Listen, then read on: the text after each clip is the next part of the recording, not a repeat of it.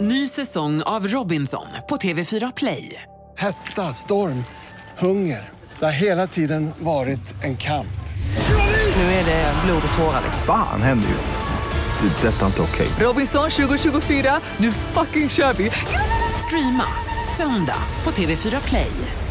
Jag tycker att, hon är, att det är falsk varudeklaration när hon Mm. talar om feminism. Det finns den feminismen hon talar om, det är inte feminism.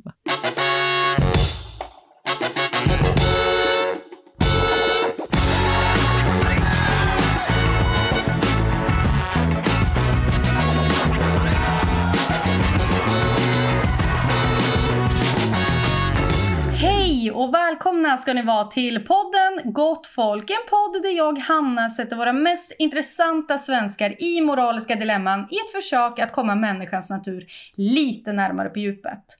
Veckans gäst är Gudrun Schyman. För mig som är uppvuxen med en sån riktig rödstrumpemorsa som basunerat ut kvinnor kan under hela min uppväxt så har ju också såklart Gudrun Schyman varit en väldigt stor del av min uppväxt.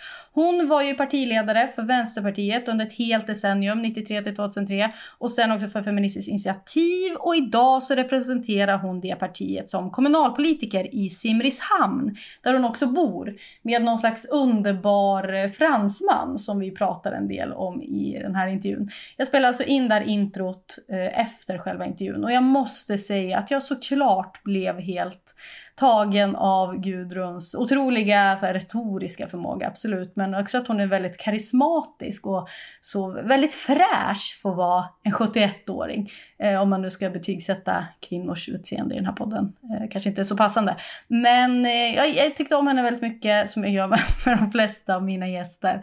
Eh, men jag tyckte också att hon, det var kul att hon vågade vara lite vass också mot typ Ebba Busch. Men det, det får ni höra i podden. Jag hoppas att ni har en trevlig stund med den. Eh, trevlig lyssning. Har du barn förut? Nej. Nej. Så det här är mitt. Det är så spännande. så. Ja, det är jättekul. Ja, Eh, det Men är- också lite... det är fantastiskt. Hallå, hallå, Det är hallå! ett fantasteri alltså. Oh. Så. Eh, Nu ska det funka. Mm. Ja, visst är de bra? Vad är det här alltid- då? Ja, men det är något... Oj, du kanske... Jag hoppas inte att du är allergisk mot något. Men det Nej. är ju spinat Mm. och mango. Tror jag att det är. Någonting mer. Grönkål kanske. Nej, men det är något som är sött. Ja, det är något. Ja, kiwi kanske det är. Gudrun Schyman! Hej och välkommen! Tack så mycket. Hur mår du? Jag mår bra, fast jag är lite trött ska jag erkänna för att jag sov lite lite i natt och sen har jag ju rest hela dagen. Jag Mm. eh, startade i Simrishamn i morse. Va, du var i Gamla stan nu här innan. Vad gör, Ja, nej det gjorde var du? inte Gamla stan, det var högt uppe på Östermalm, Storgatan. Det var jag Jaha. som tänkte fel där. Men Okej, ja. jag var på en intervju för någon eh, sån här nyhetssajt, eh, Näringslivets eh, F plus eller vad det heter för någonting. Mhm. Som ville veta vad jag hade för mig nu för tiden. Ja. Mm. Men är du mycket uppe i Stockholm? Jag är väl uppe ungefär en gång i månaden, Ja. tror jag man kan säga. Och vad är det du annars gör för de som inte vet? Ja, alltså jag står ju på två ben. Det har jag gjort alltid, men nu är det väl tydligare kanske. Det ena är det politiska och då är jag ju nu för tiden kommunpolitiker eh, i väldigt hög grad i Simrishamns kommun. För jag sitter både i fullmäktige, kommunstyrelsen och kommunstyrelsens arbetsutskott. Och det är liksom själva kommunledningen och då är man också beredningsgrupp för en massa frågor. Allt ifrån budget till översiktsplaner, fysisk planering och sådär. Så det blir mycket av det. Men sen så har jag också sedan ett år tillbaka startat en organisation som heter Fria pensionärer Just det. som är en klimat... Vi jobbar med påverkansarbete och opinionsbildning eh, kring klimatkrisen och framför allt med inriktning på att vi måste ta makten över pensionerna, pensionspengarna. Jag prenumererar ju på ditt sånt feministbrev Mm, som du skickar ut. just det, det Eh. gör jag ju en gång i månaden. Ja. Eh, det är väldigt bra. Eh, Du, jag märker, eller har jag fel i att du har eh, ändå bytt lite inriktning det senaste året? Att du är mer klimat... Ja, det är mer klimat. Mm. Men jag ska säga det, det här var ju det, det ena benet, det politiska. Det Mm. andra benet är då att jag jobbar professionellt som utbildare och föreläsare i frågor som rör jämställdhet, diskrimineringsfrågor och ledarskapsfrågor. Mm. Och jag har ihop med en eh, kollega som heter Amanda Mogensen, vi har något vi kallar för ledar eh, Maktakademin kallar vi det för, så vi har intensivkurser med ledarskapsutbildning.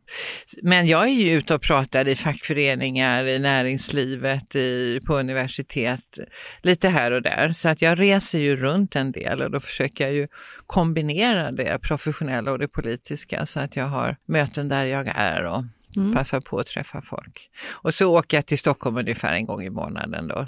Och då packar jag ihop hur mycket möten som Mm. helst. Jag Ja. springer här som en skållad råtta i stan. Jag mejlade ju dig för länge sedan Ja. och så har jag försökt få med dig i podden. Så jag blir så glad nu att du sa återkom efter 15 januari, då kanske jag Ja. kan svara mer. Och så nu är du här, så det är ju väldigt kul. Du, du kände igen mig, vi har ju sett, eller du kanske bara var vänlig. Men Nej, jag tyckte nog att jag kände igen det. Men, Ja. så, men det var ju också för att du skrev i mejlet att jag har varit hemma hos dig och gjort uh, homeparty. Så, så tänker jag att jo, men jag tror nog att jag kände igen det lite grann. Men jag är, alltså, jag är helt kass på namn och på mm, sådär. Jag har träffat så många, så många, så många. Så att jag har, eh, jag förstår det. det, ja det är svårt. Nej, men du var hemma hos mig och fikade och hade en superbra sånt, eh, jag menar, så- en föreläsning, Mm. som home party, inför valet då 2014. 14. Ja, den här podden handlar ju till stor del om vad som är en bra människa eller vad som utgör en bra människa. Tycker du att du själv är en bra människa? Ja, det var ju... Vilken fråga! Det beror naturligtvis på vad man lägger in i det, men eh, ja, rent spontant så säger jag ja. Det tycker Mm. jag. Jag tycker, jag tycker jag gör det jag kan göra. Mm. Jag tycker att jag eh, f- finns i de nära relationer som jag har med den man jag lever med, för mina barn och barnbarn. Och jag deltar i ett socialt liv där jag bor och jag är också medborgare Mm. i den bemärkelsen att jag engagerar mig. Så skulle du säga att din tolkning då om att vara någon slags god person eller en bra människa är att man finns där eller att man bryr sig, att man tar något ansvar? Ja. Eller? Ja, det tycker jag. Mm. Nej, men jag, tycker, jag känner också så här att jag, eh, min drivkraft är kärlek. Mm. i alla dess former höll jag på att säga, men också, alltså, jag tycker att det är den största kraften vi har i våra liv, Mm. kärleken.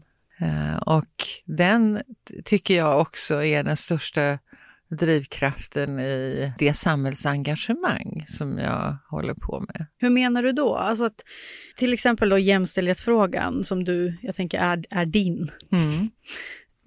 Hur tänker du med kärlek där? Jag tänker att eh, ett mål för jämställdheten är ju att vi ska kunna se varandra som de människor och individer vi är och inte tvingas in i stereotypa könsroller med färdigkodade normer. Mm. Målet är ju som jag ser det, målet med, för jämställdhetsarbetet är ju människans frihet att få vara den jag är. Och med kärleken är det också så att den måste få vara fri och få finnas och mötas. Den har inget ålder, den har inget kön, den kan inte ägas, den kan bara ges. Mm. Den här reservationslösa kärleken pratar jag om, som man kan känna som förälder, eftersom vi pratade lite om föräldraskap här i början. Mm. Så är ju det en fantastisk känsla att möta en människa och känna att jag älskar dig. Mm. Eh, Jag, jag behöver inte ha något kvitto. Jag behöver, när jag möter det lilla barnet så, så vet jag vet ju, vi vet ju att det enda vi kan göra är att älska. Vi, vi älskar ju båda. Vi får ju nästan inget svar i början med någon gurgel. Men vi vet att det är det som vi måste göra. Det är Mm. det som ger utvecklingen, det är det som skapar livet. Och så är det ju överlag, tänker jag, om vi funderar lite, så är det ju så att vi är ju totalt beroende av varandra. Mm. När, när jag föder den här nya lilla människan som ligger på mitt bröst och gurglar där så vet jag att jag älskar det barnet reservationslöst. Jag menar att om man översätter det här också i, på en samhällsnivå så är det det förhållningssättet som vi måste sträva efter. Mm. Att vi ska älska varandra som de spädbarn vi är. Ja, i, och i, den, i det beroendet, att acceptera att vi är helt beroende utav varandra. Mm. Och det där låter ju eh, kanske som en motsättning då för mycket av arbetet med jämställdhet är ju att vi ska få vara oberoende. Men det är ju oberoende från tvång och förtryck. Målet är ju en frihet. Mm. krävs ju mycket tycker jag. Alltså det är ju lätt till ett eh, barn kanske, oftast.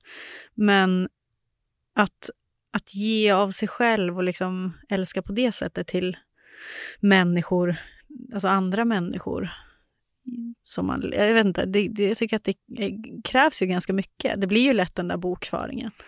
Ja, i en relation. Ja. Håller du på med det? ja, jag kände igen mig. Ja, jag såg, det- att det, jag såg att det glimtade till någonting där. Ja. Men visst är det ju då, ja om jag gör så här. Ja, Om du men, lagar maten så målar jag dörren. ja eller och nu Eh. har jag min sann. Ja, ja, det är Ja. precis. Det försöker man ju akta sig lite för. Ja. Men det kan, man kan ju lätt hamna där och då blir det ju trist. Alltså då, då, är man ju, då är man ju inne i någon eh, kamrersvariant Mm. av kamrersstuk på, på relationen. Mm. När känner du dig som sämst? Som sämst. Mm. Alltså inte när du mår dåligt då, utan Nej, kanske nej. när du känner att du är en Utan, dålig ja. person. Nej men det är om jag, åh, vad ska jag säga, när jag blir snål. Mm. Med kärlek eller med... Ja, framförallt med det, att jag inte, om jag inte eh, om jag inte lyssnar ordentligt, om jag inte tar mig tid, om jag, jag gillar inte det hos mig själv. Ibland har jag lite för bråttom. Mm. Är det att det kan vara tidsbrist, alltså att du är stressad? Är det det Ja, ofta- det finns ju alltid mer att göra än vad man hinner. Så är det ju. Jag har så mycket har, sån här, och jag är ofta liksom långt fram. Mm. Jag ligger rätt långt fram. I, eh, och då, och då, kan det ju, då kan det ju vara så att jag inte är riktigt närvarande där jag är. Där jag är liksom. Mm. Och då kan det bli lite, jag tror att jag kan uppfattas som eh, eller snorkig eller och så. Mm. så jag, jag gillar inte mig själv när jag är, är sådär. Nej. Har du ofta dåligt samvete? Nej, Nej. det har jag inte. Du håller inte på med skuld och sånt där? Nej, jag, och jag har, jag har ju gjort det såklart och jag ska väl inte säga att jag är helt befriad från det men jag gjorde det ju väldigt mycket då när jag var inne i och på min väg ur min alkoholism. Mm. Det är ju otroligt mycket skuld och skam i det, i Mm. hela den sjukdomen men också i konsekvenserna av den. Framförallt i förhållande till mina barn. Och det var ju otroligt jobbigt och att ta sig ur, för mig att ta mig ur det och ta mig igenom det. Mm. Men eh, Hur gör man det då? Alltså jag tänker, hur blir man skuldfri? Eller det, det är väl någon slags förlåtelse, för, förlåtelse av sig själv? Eller? ja, det är det ju naturligtvis. Och jag, jag kan ju känna, om jag nu håller mig till den situationen, Mm. till, till det, alltså, det, de flesta vet ju, jag har ju det här omkring sig på ett eller annat sätt, så är, så är det ju att, där, att det finns en okunskap om att det är en sjukdom och vilket förlopp den sjukdomen har. Och den eh, okunskapen, den har ju inte jag. Jag vet ju om den, men jag kunde förstå den först när jag själv var där. För att vi har så mycket föreställningar i vårt samhälle om alkoholism, om att det är de här A-lagarna och att det är en, eh, alltså folk måste väl ändå rycka upp sig och att det är något som något, att man har dålig karaktär. Det finns en massa sånt där som gör att, att det, det är väldigt tabubelagt att prata om det och att det är väldigt nedlåtande, en alkis är liksom. Och, och det där möts man ju utav då.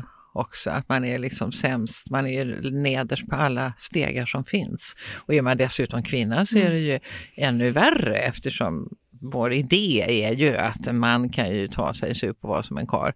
En kvinna är liksom, ska ju inte dricka. Eh, så att det där eh, var ju jättejobbigt. Som jag, och, och, men jag fick ju möjlighet att bearbeta det väldigt mycket när jag var i behandling. Då skalade jag av tog, tog bort en massa skuld som jag hade i förhållande till andra vuxna. Mm. För jag tänker att de, de kan ändå välja att gå därifrån själva. Liksom. Men kvar var ju det här med barnen. Men eh, eh, jag, jag, hade, jag kommer ihåg en sån här del av behandlingen där vi pratade just om skuld och skam och sen så skulle vi rent fysiskt göra oss av med det här och så låg det ett helt röse med sten som man skulle gå. Jag gick och tog den absolut största, det var som ett stenblock som jag bar iväg och Mm. slängde Det skulle iväg. representera skulden. Det var man bara- skulden, absolut. Ja. Mm. Det var det. Kände du dig lite lättare efter det? Då? Jag kände mig väldigt lättad. Ja, men det var en process och så Mm. blev den fysisk också på det sättet. Mm. Men jag kan, jag kan drabbas av det där eh, ibland ändå. Det, det sitter där.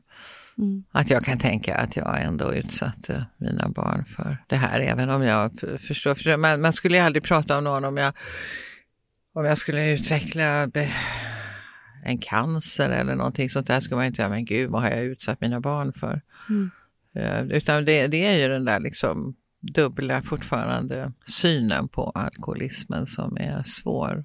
Jag tycker att så är det ju med mycket ändå, Ja, att man ja. inte kan göra skillnad. Även fast man vet bättre så är Man ju... vet precis.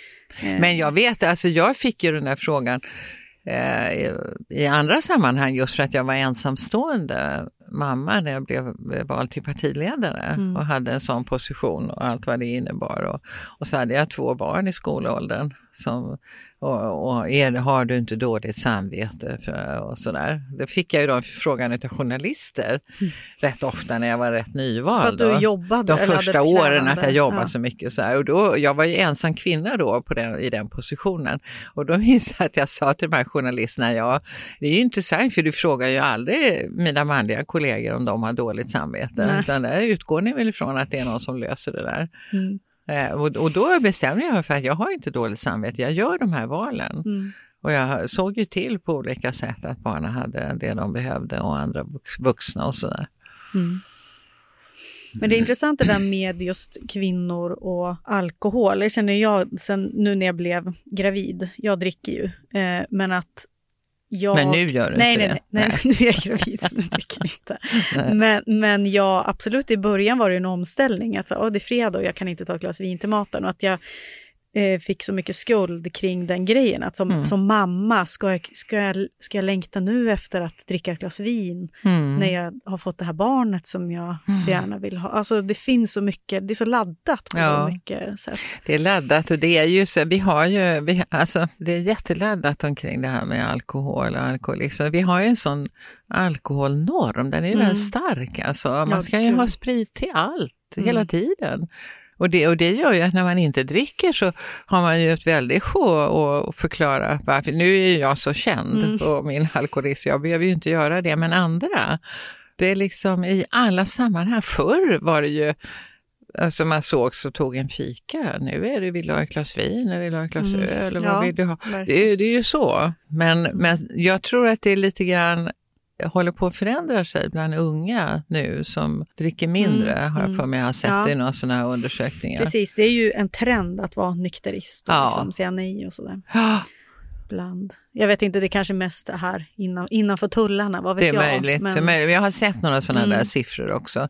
Ja, jag tror inte det är... mm, jag tänker där jag är ifrån i Sundsvall, där på landsbygden, tänker jag att Ja. många unga dricker väl. Ja. Så det är Ja, det man jo, gör. men det är just det här liksom helg. Ja. Men jag vet ju att, eh, jag menar, när jag växte upp så var det ju så, då var det ju på helgen, men, men det var ju inte, alltså det har ju också blivit en, någonting man gör, liksom, man festar. Mm. Vad ska du göra? Vi ska festa. Mm. Och, och kvittot är ju att man blir full. Ja. Och det blir som en, nej, jag ska åka och hälsa på farmor, jaha, ja, jag ska festa. Alltså det, det blir som en sysselsättning. Mm. ja. Ja, så är det ju verkligen. Det är en aktivitet man tar sig Ja. an. Och, Och det är ju enormt starka ekonomiska intressen mm. som ligger bakom detta, Mm. ska man ju veta då. När ljuger du? Ah, Eller ljuger du överhuvudtaget? Ja, gör jag det? Mm. menar du då ljuga för sig själv Mm. eller menar du ljuga för Jag andra? menar nog egentligen för andra. Men Ja. det är en intressant tolkning, ljuga för sig själv. Ja. Är- ja. Mm. Nej, men jag tror, nej, men, ja, rent spontant ska jag säga att jag eh, nog inte ljuger. Jag tycker inte att jag ljuger. Nej. Jag känner mig inte sådär, ja men det gör jag lite det. Nej, det gör jag nog inte. Ja, Inte ju... medvetet alltså, ja, för det är så, jag försöker tänka efter nu, när, när sa jag någonting till någon som jag visste inte var sant? Tänker, vita lögner Det- håller man väl på med lite. Ja, men då är det väl att man kanske inte berättar allting. Mm. Det är ju lite, i, I politiken är det ju sådär att man, man ljuger ju inte, men man berättar inte alltid allting. Nej. Där, där gör man på det viset. Mm. Ge ett exempel. Hur, hur menar du då? Att man...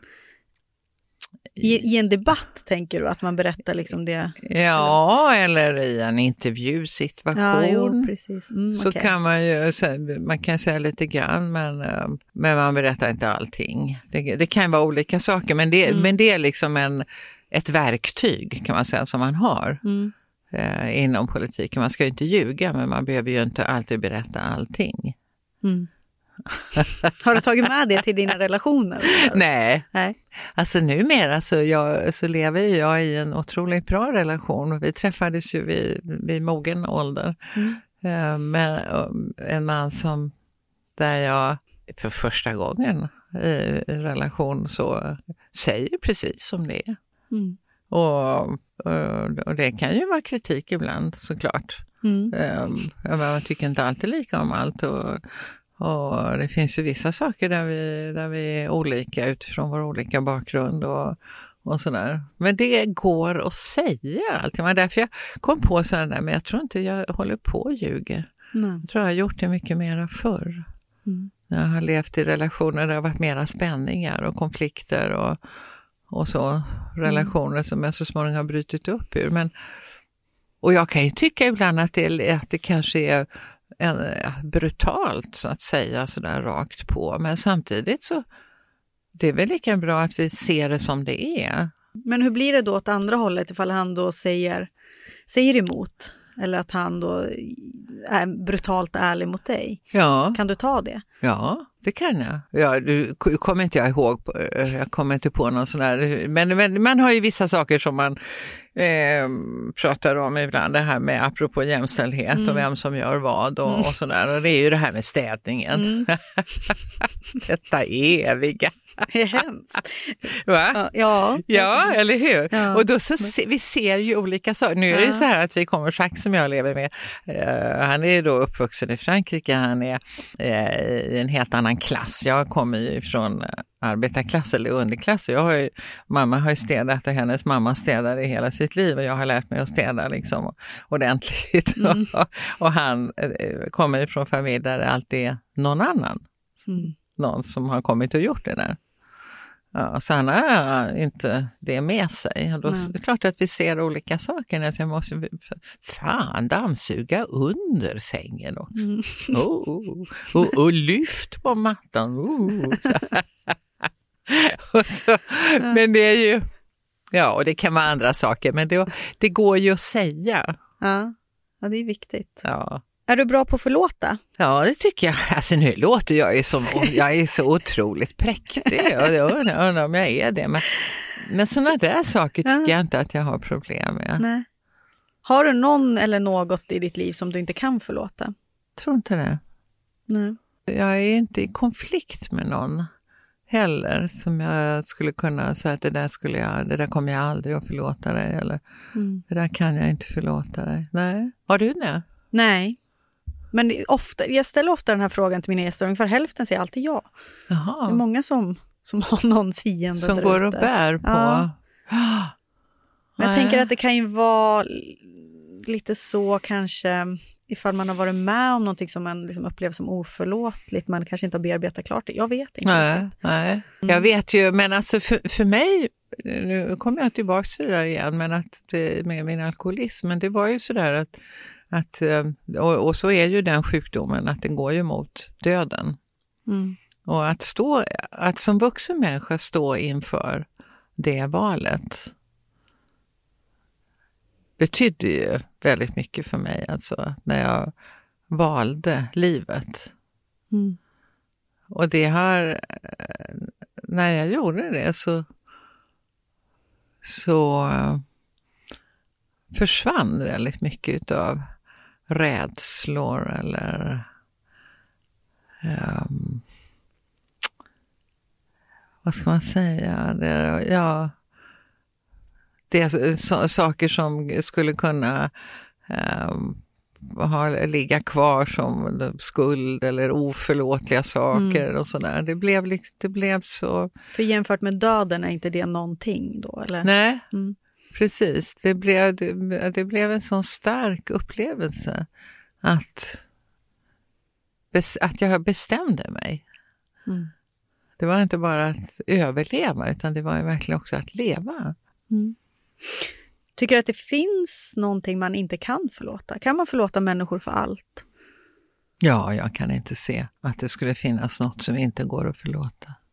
Mm. Ja, förlåtelse är väl mycket för sin egen skull också, tänker jag. Ja, och jag, jag vet inte vad det skulle vara. Alltså, Men jag tänker så fruktansvärda händelser, ifall någon gör någonting mot ens barn och så. ja, Det, nej men det är ju, men det, det vore ju hemskt. mm. Men det blir ju inte ogjort vad, man, vad jag än gör. Liksom. Det blir ju inte ogjort. Ny säsong av Robinson på TV4 Play. Hetta, storm, hunger. Det har hela tiden varit en kamp. Nu är det blod och tårar. liksom. Fan händer just nu. Det. är Detta är inte okej. Robinson 2024, nu fucking kör vi! Streama söndag på TV4 Play. Ett poddtips från Podplay. I fallen jag aldrig glömmer djupdyker Hasse Aro i arbetet bakom några av Sveriges mest uppseendeväckande brottsutredningar. Går vi in med hemlig telefonavlyssning och, och då upplever vi att vi får en total förändring av hans beteende. Vad är det som händer nu? Vem är det som läcker? Och så säger han att jag är kriminell, jag har varit kriminell i hela mitt liv men att mörda ett barn, där går min gräns. Nya säsongen av Fallen jag aldrig glömmer på Podplay. Nu ska vi köra något som heter moralsnabbisen. Eh, jag ställer snabba frågor och du får svara hur långt du vill. Äter du kött? Ja, Varför? för att jag kan tycka att det är gott. Men jag ska säga att jag äter väldigt lite. Eh, Men jag- det var mer Standard. principiellt sådär att jag Ja. svarade för att jag, jag kommer på mig själv med att jag nästan aldrig äter kött. Eh, Så här om veckan så gjorde jag faktiskt en kalops. Jag tänkte, ja men det är ju ändå väldigt gott. Jag ska bjuda folk på middag. Men det är jättelänge sedan jag gjorde det. Eh, Och, och, så, och så brukar jag göra till jul, då brukar jag göra köttbullar. Mm. Eller pannbiffar, jag har ett bra recept gammalt från min mamma. Annars så är det just all, nästan aldrig. Mm. Och det är, inte, det är inte av några principiella skäl eller så, men jag menar jag vet ju också att vi ska äta mindre kött. Men jag äter ju, i- det kan, kanske, ja det kan ju gå månader ina- emellan. Så, så är det. Okej. Och det beror ju på att jag äter väldigt mycket grönsaker och fisk framför allt. Mm, okej. Som vi har där nere där jag bor. Och kalkon jag äter kött för vi har jättebra kalkon där nere. Mhm. Har du klimatångest? Nej, jag har inte ångest, men jag är väldigt engagerad Mm. i, ehm, i frågan. Det är inte så att Eh, du, det håller inte vaken på nätterna? Nej, det gör det inte. rapporter? Utan jag, Nej. alltså jag gör ju så då att för att inte ramla ner i någon klimatdepression eller ångest, så jag tror det bästa eh, är att göra. Mm. Att göra saker, så jag blir ju aktivist. Källsorterar du? Ja, alltså om du med det, jag har två fack. Mm. eh, eh, under diskbänken och eh, också ute som de som hämtar soporna. Eh, och sen så tar jag hand om plast i en och så tar jag hand om glas i en och så tidningar i en i kassar och så åker jag till sån här återvinning. Mm. Så det får man säga. Mm, men det är Ja. ingen kompost? Jag har, ingen kompo- jag har ingen ordnad kompost. Jag Nej. har en kompost för trädgårdsavfall. Ja, okej. Så, eh, Mm. Det har jag. Tycker du att droger ska legaliseras? Nej, jag tycker inte det. Det är väldigt tydligt nej. Ja, det är ett väldigt tydligt nej. Jag, jag tror inte på legalisering. Däremot så tycker jag inte att man ska bestraffa användandet. Nej. Eh, Men eh, det ska inte vara legaliserat. Är kvotering bra? Det kan vara nödvändigt. Det är ju bara ett verktyg, det är ju inte något mål. Det är Nej. ju ingenting i sig på det viset. Men ibland kan det ju vara nödvändigt att, att räkna huvuden och göra sådana saker. Hur mycket skänker du till välgörenhet varje månad? Ja, vad ska jag säga, det är ungefär eh, 300 kronor i månaden. Vad, är det jag, pandor eller barn? Eller vad? Nej, det är eh, klimat eh, Mm. saker. Öppnar du de här breven som du får från välgörenhetsorganisationer då? Ja, jag Ja. öppnar dem, absolut. Jag öppnar och läser. Har du gjort botox? Nej, Har du gjort fillers? nej. Nej. Jag, jag vet jag skulle inte våga. Nej. Ja. ty- nej men det känns, det känns ju väldigt onaturligt. Och så tänker jag, ja, men vad händer där och vad händer sen då? När, när, nu är jag ju så pass gammal, så jag, men om jag hade gjort det när jag var yngre, hur blir det när man blir äldre Ja. sen då? Och när, när huden börjar att åldras naturligt, hur blir det då med det där? Mm. Har, du har, har du provat någon Mm. gång? Jag har provat. Och vilket, vad, vad har du gjort Eh, då? gjort botox i pannan, men nu har det gått ur. Det var inte någon jätteskillnad. Nähä. Det var liksom för att få bort en rynka. Så man var ju lite stel. Ja. Och det, vad är det de sprutar in? Ja, det är ju nervgift. det kan väl inte vara nyttigt? Min mamma som eh, har Parkinson, hon får ju botox i nacken och sådär. Alltså för att liksom... Så att det används ju i som... Medicinskt. Alltså ja, precis. Ja. Ehm, Och det Så- gör hon för att hon ska hålla huvudet? precis, för att, hon, för att tar bort värk också. Ja, det är jag ju förstår. liksom jag förstår. Ehm, Men det här filler som du säger, det är man ju sprutar in i Precis, läpparna? då sprutar man in något slags material som man kan forma. Men fillers känns lite läskigt för det kan ju flytta runt också. Du gör fillers, många gör ju det under ögonen om man är mörk under ögonen. Jag är lite sådär halv-influencer, du vet att jag har stor Instagram och så. Och då, Ja. många i den branschen håller på mycket med fillers och det kan man ju se. Ibland så flyttas det ju från ögonen ner till kinderna. Nej. liksom.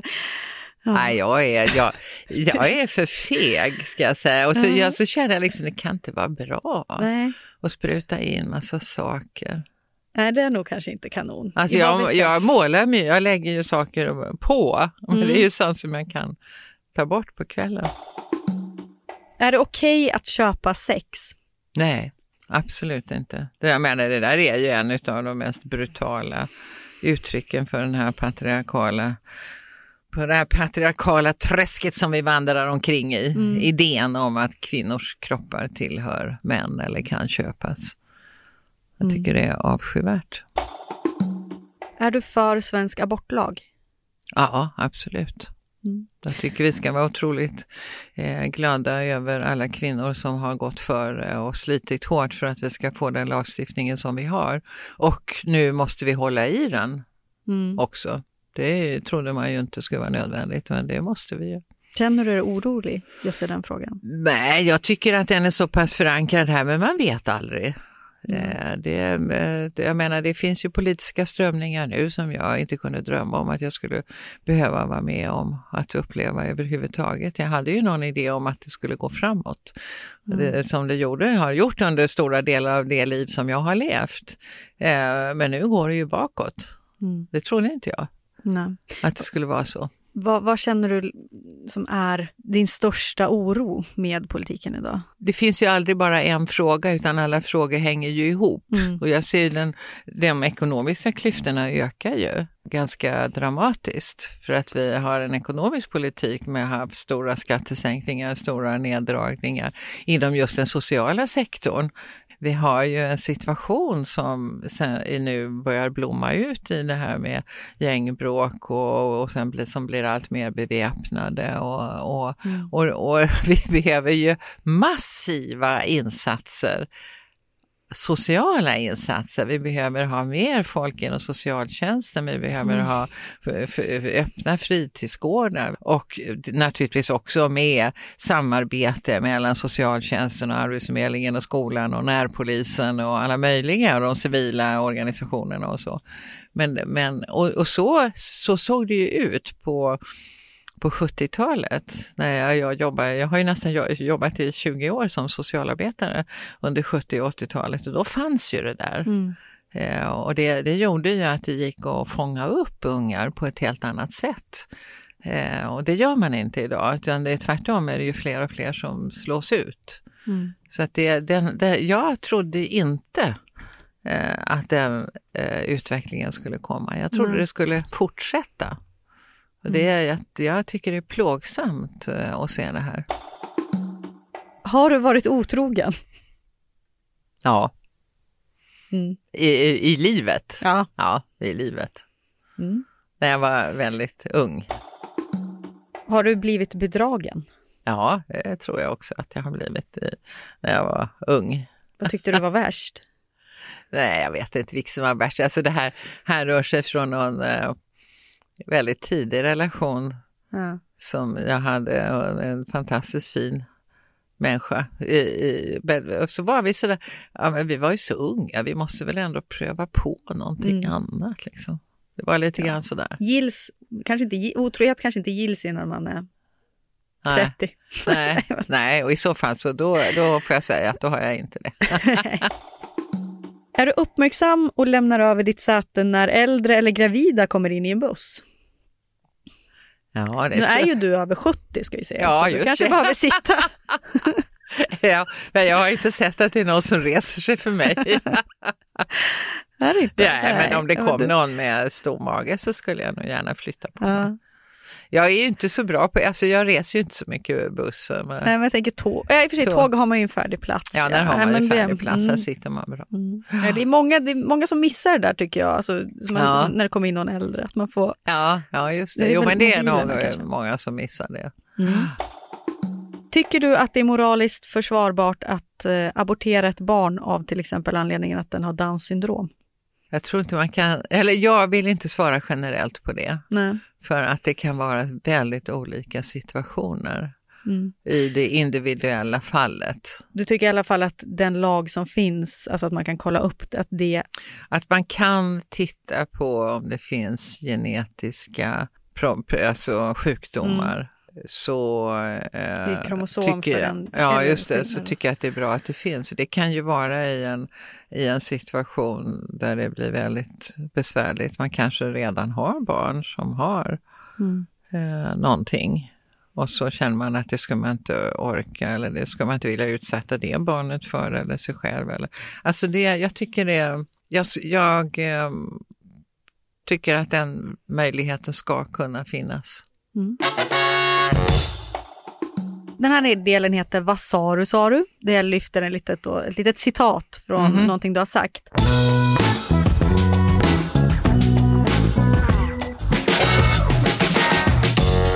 Och det här var 2017 i Svenska Dagbladet, eh, där du pratar om superindividualismen.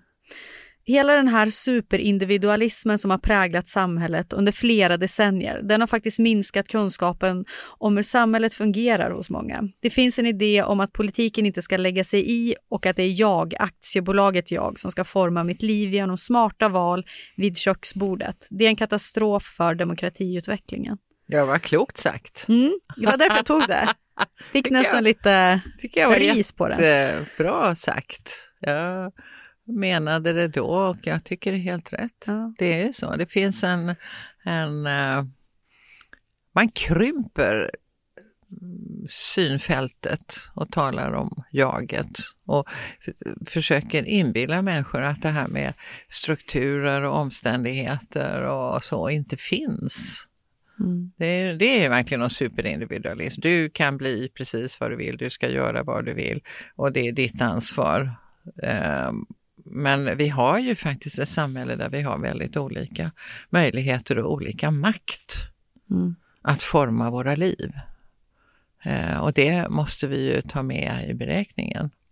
Det är ju, det är ju lögn alltså och säga till någon att gör vad du vill. Mm. Du kan bli vad som helst, för så ser det ju faktiskt inte ut. Vad ska man säga då, till exempel till sina barn? När man så gärna vill ge dem liksom världens alla möjligheter. Ja, det är klart att man kommer att, att vilja det och man försöker naturligtvis göra det, men man ska ju också eh, förmedla en bild av samhället som är, är sann. Mm. Och det är ju att det, alla har inte samma möjligheter. Eh, man har olika bakgrund, man har olika social situation och, och så. Mm. Det behöver ju inte betyda att man säger till sin unge att vi, vi som bor på den här sidan av gatan, vi, vi har inte en chans. Så det, det är ingen idé att du tar den. Mm. så, så ska man ju inte säga. Eh, utan man ska, ska naturligtvis uppmuntra alla att göra så bra som möjligt. Och, och man vill ju, vi vill ju alla det, det allra bästa till våra barn. Mm. Självklart är det så. Men det behöver ju inte utesluta kunskap om hur samhället fungerar. Nej. För att om man inte vet om det så kan man ju tro att all, allting som inte blir som man har tänkt sig, ja det är mitt eget fel. Då lägger man det ju liksom, det är ditt eget fel. Du har valt fel eller du har inte ryckt upp dig tillräckligt eller du har inte varit tillräckligt ambitiös och du har inte gjort läxorna tillräckligt mycket eller vad det nu är. Mm. Jag kom på att jag har en fråga som jag skulle vilja ställa för privat bruk. Ja. Eh, det, det handlar om att eh, jag tänker mycket på föräldraledighet nu. Eh, och kommer dela lika med min kille och har möjlighet att göra det. Eh, men jag upplever som att väldigt många i min närhet, alltså kvinnor som jag känner som har liksom en karriär och deras partners har en karriär, eh, men att där så har man inställningen att eh, kvinnan kommer ta hela föräldraledigheten. Och jag ser det liksom, det är i innerstan här, alltså Ja. kloka, eh, liksom, utbildade människor som gör de valen om och om igen. Mm. Och det här är liksom inte bara en kompis, det här är majoriteten av mina kompisar. Va, som, det är tråkigt för mig att sitta och liksom argumentera gång på gång med dem varför Ja. de ska dela. Vad, vad tycker du är liksom är största problemen med att, med att man inte delar på föräldraledighet? Ja, problemet är att man upprätthåller de här gamla Mm. könsstereotyperna. Och det får sedan effekter på arbetslivet och lönen och pensionen och allt Mm. det där. Men det största skulle jag vilja säga att man ger inte barnet möjlighet att ha lika nära relation till bägge föräldrarna. Mm. Man grundlägger en närhet när barnen är små som man svårligen tar igen. Och man, man grundlägger ett mönster som sen kommer hänga med. Precis, för det här är ju inget beslut från någon liksom onda Nej, pappor nej. som på något sätt, jag vill inte vara, utan det kan ju också komma från eh, alltså, att, Från mammorna? Ja, Ja. precis. Ja, visst. Och det är ju... eh, eh, där, där menar jag att har man då den intellektuella kapaciteten och den ekonomiska möjligheten att Mm. se lite större än sig själv Mm. så tycker jag man ska göra det och fråga sig vilket samhälle man vill ha. Men jag tycker också man ska fråga sig varför man förvägrar den andra föräldern att ha möjlighet att få den här vardagskontakten och bygga de relationerna. Mm. Det betyder någonting, alltså när barnet är litet och är, innan det är verbalt och sådär. Mm. Alltså då måste man ju knyta an på ett annat sätt. Jag fattar, jag fattar inte att eh, killarna inte gör revolution, alltså. Nej. Att de inte protesterar. Vi ska gå in på dilemman. Jag kommer läsa upp ett fantasidilemma. Du får inte hålla på och säga att det där skulle aldrig ha hänt, för i den här världen så har det hänt. Och du, ska liksom, du får ju försvara dig om du vill, men, men jag vill veta vad du skulle göra i det här dilemmat då. Mm. Du sitter på tåget upp till Stockholm och hittar en telefon i gången mellan sätena. Du tar upp den, tittar dig omkring och frågar vems det är. Ingen tycks äga den. Du klickar lite snabbt på den och känner direkt igen personerna på bakgrundsbilden. Det är ju för fan Jim Åkessons fru Louise Eriksson och hennes två små barn som bakgrundsbild. Du inser att du får tag på Jimmy Åkessons telefon. Den är upplåst och du har nu tillgång till filmer, bilder, interna mejl, sms och så vidare. Tjuvkollar du i telefonen? Nej, Inte innan du lämnar till konduktören. Du Nej. kollar inte. Nej, så jävla ointressant. Jag tänker det kan ju finnas material som... Ja, nej, absolut inte. Jag skulle inte lägga ner någon tid på det. Snabbt svar, tydligt. Ja, ja nej, men jag, tycker, vet, jag är ju inte heller på medier. Och, Men jag tänker att du kanske kan, det kanske finns en frustration hos dig kring liksom hela Sverigedemokraterna och det här har du ändå ett medel som kanske Ja, skulle kunna nej. fälla en partiledare. Nej. Nej. Det är inte min grej. Nej. Du lämnar in den och säger... Jag lämnar in Mm. den till, eh, till tågvärlden. Ja, Ja. det är ärligt och stort. Eh, jag skulle nog ha rotat tror jag. Ditt 17-åriga barnbarn ringer dig och ber om att bli hämtad från en fest. I bilen märker du att hon är lite berusad, men hon bönar och ber att du inte får berätta någonting för hennes mamma. Du känner dig stärkt av förtroendet ditt barnbarn visar för dig och vill gärna behålla det. Men samtidigt är inte du hennes förälder och vill inte gå bakom ryggen på din dotter. Vad gör du? Jag berättar inte. Nej, jag skulle Mm. ha det som en hemlighet. Och tänka att det var kanske första gången och någon gång ska det bli. Hon har ju i alla fall bett att få bli hämtad. Det är ju klokt. Mm. Jag, jag skulle fortsätta att tycka att hon är en klok person och vet hur man ska ta hand om sig. Och så Mm. har vi ett förtroende ihop där. Sen kanske jag skulle jag göra annorlunda om det skulle upprepa sig, men det här ser jag som en gång. Mm. Och då skulle jag behålla förtroendet med henne. Du ser inga problem med att inte säga någonting till... Nej. Nej. Tydligt. Det här känns som att det är för lätta dilemmat. Du är på din kompis 60-årsfest och ser hur din vän Roberts fru står och hånglar med en annan man. Du känner Robert väl genom ditt yrke, men du har ju aldrig träffat hans fru förutom att du vet hur hon ser ut. Då. Och vet ju inte riktigt vad de har för deal. Samtidigt kan du inte tänka dig att de har ett öppet förhållande. Vad gör du? Berättar du någonting för Robert? Nej. Nej, jag skulle inte lägga mig i det. Jag skulle göra andra saker. Ja, det är roa mig på. Du- okej. Ja, eller skygglappar. Eller jag skulle säga, det där, det där har ju inte... Det, där, det är inte... Du tycker inte att du har någon skyldighet Nej, då? Liksom, jag tycker inte jag har någon skyldighet Fråga med henne. och säga till honom, hörru du, din fru står där och hånglar med någon, är det, är det okej? Eller till henne, vad gör du? Jag har ingen, Mm. nej. Skulle det vara någon skillnad om ditt par där du känner båda parterna och som du vet liksom att de inte gör så mot varandra? Nej, Nej. nej, jag skulle, nej. Jag skulle inte bry mig om det. Du tycker att man får liksom ansvara för sin egen Ja, relation? ja. Mm. Ebba Busch Thor vill förtydliga sin feministiska approach och undrar om du vill starta podden Two Bitches One Pod ihop med henne. Tackar du ja? Eh, nej, det gör jag inte. Varför? Nej, för att vi står så väldigt eh, långt ifrån varandra. I, det, det, det skulle vara en, en alldeles för stor övning att eh, förklara vad feminism är. Mm. Jag tänker för lyssnarna så skulle Ja, du för kunna... lyssnarna. Men då, men då handlar det inte om att starta en podd tillsammans, utan då, då skulle vi resonera om, ska, och, om vi skulle göra ett, eh, ett program och försöka reda ut dem, men då måste det nog vara med någon annan, Mm. någon samtalsledare eller någonting sånt där. Om man ska reda ut vad är då konservativ feminism Mm. och vad är är intersektionell feminism och så. Det, det, det krävs nog att det är någon som håller i det. Det krävs någonting, eh, jag, jag skulle inte jag, jag skulle inte gå på det här liksom, ja, men nu sitter vi och snackar och gör en podd här du och jag, Mm. vi, oss feminister emellan. Det kanske att ge Ebba ett OK också ja, på ja, någonting som hon inte jag tycker är. ju inte att hon, jag tycker att hon är, att det är falsk varudeklaration när hon Mm. talar om feminism. Det finns den feminismen hon talar om, det är inte feminism.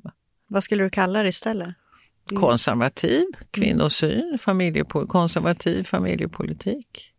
Varför tror du att hon tror att det är feminism? Jag tror inte hon tror det. Jag tror att hon eh, tycker det är smart att säga så. Mm. Att, För hon har ju Ta- gått ganska hårt på det spåret. ja, det är ju för att Mm. värva röst. Alltså, Hon känner väl vart det blåser. vinna, vinna Mm. över kvinnor helt enkelt. Så, som då skulle känna att ja men vad bra, det finns någonting annat än de där batikhäxorna där. En ny fräsch feminism. Ja, ja visst. Där du ska välja själv. Ja. Eh, Det är ju liksom en, det är den här superindividualismen och så Mm. sätter man på en liten röd strumpa och säger att det är feminism. På vilket sätt Tror, eller tycker du att KDs politik är som farligast för kvinnor? Eller på vilket sätt är den farlig för kvinnor? Ja, men det är ju det, alltså den här idén om att eh, det som hon har pratat om mycket är ju just det här med föräldraskapet. Mm. Eh, du ska kunna välja själv. Kvinnor ska inte offras på feminismens altare eller vad det var hon sa. Där hon ju utmålar feminism som någonting som eh, är, är skadligt helt enkelt. Och det, det är, det är, man kan ju sätta in det i en, i en tradition av att titta, de som, och hon kallar det för genusflum Mm. i förskolan när Mm. man jobbar med genuspedagogik, ett förakt för forskning och, och fakta och det här finns, det finns ju inom nationalistiska och väldigt konservativa högerextrema rörelser, hela den grundsynen Mm. som ju går ut på att eh, beskära kvinnors rättigheter. Eh, nästa steg är ju, och det körde de ju med förut, det här med vårdnadsbidraget. Och, och man kan ju ha så generösa bidrag så kvinnor stannar hemma och får ännu mera bidrag om man föder ännu flera barn och, Mm. och så. Så det blir ingen podd med... Nej, det blir ingen podd där. Nej. Nej. hade varit kul att höra. Ja. Pling plong, det kommer ett sms till Gudrun Schymans telefon med en inte så smickrande inspelning på dig. Det är någon som har smygfilmat när du i ett samtal med en nära vän skämtar om något och råkar i förbifarten använda n-ordet. Personen som smsar dig säger sig sprida filmen om du inte betalar hen. Eller ja, det är givetvis en kille Mm. då. Han vill ha 100 000 kronor på Swish. Betalar du? Nej. Filmen kommer läcka, folk kommer ju rasa. Ja, men jag kommer ju gå till polisen med det där. Jag kommer ju anmäla det där. Ja, men- Utpressning. Jo, men filmen är ju ute redan. Är du inte liksom rädd om liksom... Nej, Din- jag kan inte göra någonting åt det där. Finns den så finns den ju. Mm. Det spelar ingen roll hur mycket jag betalar. Nej, jag ska gå till polisen direkt. Vi har tre antingen eller kvar. Det är alltså pest eller kolera. Att varje månad tvingas gå på en mufffest eller att varje månad behöva bränna upp 100 000 kronor av dina intjänade pengar. Ja, då går jag ju på mufffesten och så använder jag den till folkbildning. Okej, du skulle stå där och liksom läxa Ja, upp dem. Och... Jag har varit inbjuden av MUF Jaha, vid två olika tillfällen. du har, har du av gått? tjejer. Ja, jag går dit och Jaha. föreläser.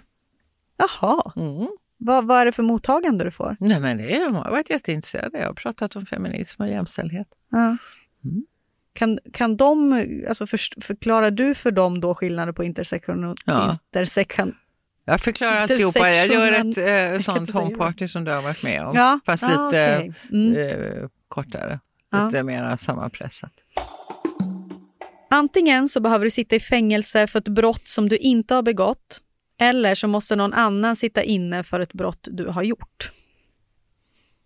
Hängde du med? Någon annan som sitter inne för ett brott som jag har gjort. Eller så ska jag sitta inne för något brott. Som du inte har gjort. Då. Men det där vill man ju ingetdera. Nej, det är det som är meningen. Nej, men jag skulle ju inte kunna tänka mig att någon sitter inne för ett brott som jag har begått. Men hellre det kanske än att du måste sitta i fängelse. Nej, då sätter jag hellre, då sitter jag hellre inne för något som någon annan har gjort. Mm. Ja, det är ju mer ädelt, men jag tänker, skulle man tänka så? Ja, men jag skulle ju kunna det. Jo, men det, det skulle jag nog välja i så fall.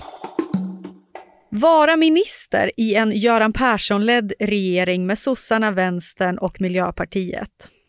Eller så är du statsminister i regering då med vänstern och KD. Vänstern och KD. Ja, det är lite specialsamarbete där som man inte alls hade väntat sig. Ja, det var ett väldigt märkligt samarbete. Fast det är ju lockande att vara statsminister. Ja, men plus att jag tänker att du skulle ha svårt att vara minister i en Göran Persson-ledd ja, regering. också, ja. Nej, men jag tror nog att jag skulle satsa på att vara statsminister. Ja. Vilken ministerroll skulle du då ge Ebba Busch Thor? Skulle hon få en då? Ja. Ja, Nej. hon skulle kunna få bli... Eh, kulturminister. Hon, kunde, hon hade ju inte läst så mycket av klassikerna där. Nej, Så hon, då tänker du... Ja, då tänker jag att då vet hon om, av egen erfarenhet att det behövs mer kultur. Mm. Ja, och, och mer så i skolan. Så att, ja, eller ja, nej, jag vet inte hur jag tänker. Men, Nej, det var, det var dåligt. eh, Det var Ja. faktiskt en dålig antingen eller. Det var min kille som sa det. ja, helt sant, det där var inte så smart. Nej. Du, Gudrun, vi eh, börjar närma oss slutet. Du Ja. ska få gå härifrån. Ehm, hur kändes det här? Var det trevligt? Alltihopa? Ja. ja, jättetrevligt tycker jag. Var det någonting som du tyckte att det var Absolut. svårt att svara på? Nej. Nej. Nej, men jag tänker på det att alltså, jag tänkt så att det, det är nog också att det är en skillnad i ålder. Jag tänker lite att att det är en generationsfråga. Du, du säger så här, för att jag svarade ju ganska bestämt Mm. eller tydligt. Så här, Ja. jag skulle göra så här. tänker att det har nog med åldern att göra. Att du har hunnit fundera länge? Jag har hunnit fundera rätt mycket i livet. Jag har rätt mycket erfarenheter. Jag har tagit ställning till mycket saker. Numera tycker jag ju att jag är klok. Mm. Det tyckte jag ju inte när jag var yngre. Nej. Men jag tycker att med åren så har jag blivit klok. Tycker- Som ju också gör att jag kan, liksom, jag kan respektera att jag, så här tycker jag, det är Mm. nog inte så dumt. Du kanske har sett någon, någon man, någon fru hångla med någon man på någon fest redan? Jag har liksom ställts inför det där. Ja. Nej men där är jag, just när det gäller de där frågorna så är jag, är jag väldigt så att, så inte, att inte gå in i andras relationer Mm. och så. Nej men jag tänker att det, det, finns ju, det finns ju något väldigt eh, sympatiskt i att bli äldre. Mm. eh, i att förstå att all den här erfarenheten och kunskapen som jag och, och andra i min ålder har är en enorm tillgång. Ja, Vi- verkligen. Vi har ju så stora arkiv, liksom. du vet man matar in något och så rasslar det till och så kommer det ut. Ja. Ja, så här är det. Och det bör man ju ta vara på verkligen. Ja. Det märker man ju, jag som eh, har jobbat mycket med eh, att intervjua människor eh, senaste åren, att det blir, speciellt i den här podden Ja. eh, som jag har haft senaste året, så blir det alltid mycket bättre. Så fort någon liksom börjar närma sig runt fem, från 40, alltså man ska i alla fall vara Ja. över 40, Ja. eh, då blir det alltid mer intressanta samtal tycker jag. Ja, Kanske för att man eh, har hunnit tänkt. ja absolut. Eh, är det någonting du vill tipsa om? I Ja, du kan tipsa Podd. om någonting du ska göra eller en, en god sås. Nej, nej, alltså jag, jag har jättemycket saker jag håller på, Mm. på och just nu någon som är väldigt kul. Jag håller på att arrangera en fredsfestival Mhm. i sommar nere på Österlen så alla ska åka ner i slutet på maj där när det är alla helgons dag. Håll ögon och öron öppna. Nej men jag, jag, vad jag, jag skulle vilja uppmana alla att, att eh, förstå att vi är mycket större som människor än de här stereotypa rollerna som vi petas in i Mm. könsroller eller vad det nu är. Och vi är mycket större än bara våra jobb. Alltså vi, vi, har en, vi har ju en förmåga som människor att kunna också gå utanför oss själva och tillsammans med andra vara med och påverka. Mm. Och, och skapa. För mig är det ju här att hålla på med politik och påverkan.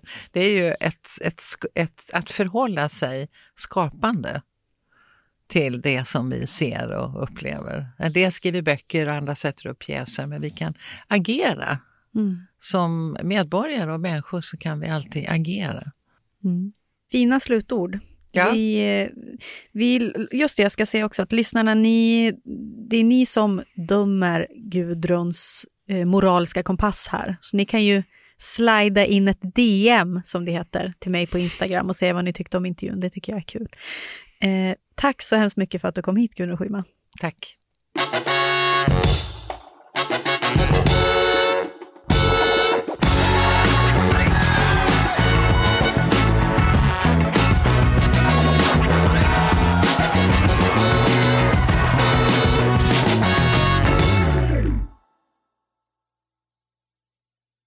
Ny säsong av Robinson på TV4 Play. Hetta, storm, hunger. Det har hela tiden varit en kamp. Nu är det blod och tårar. Fan händer just nu. Det. är Detta är inte okej. Robinson 2024, nu fucking kör vi! Streama söndag på TV4 Play.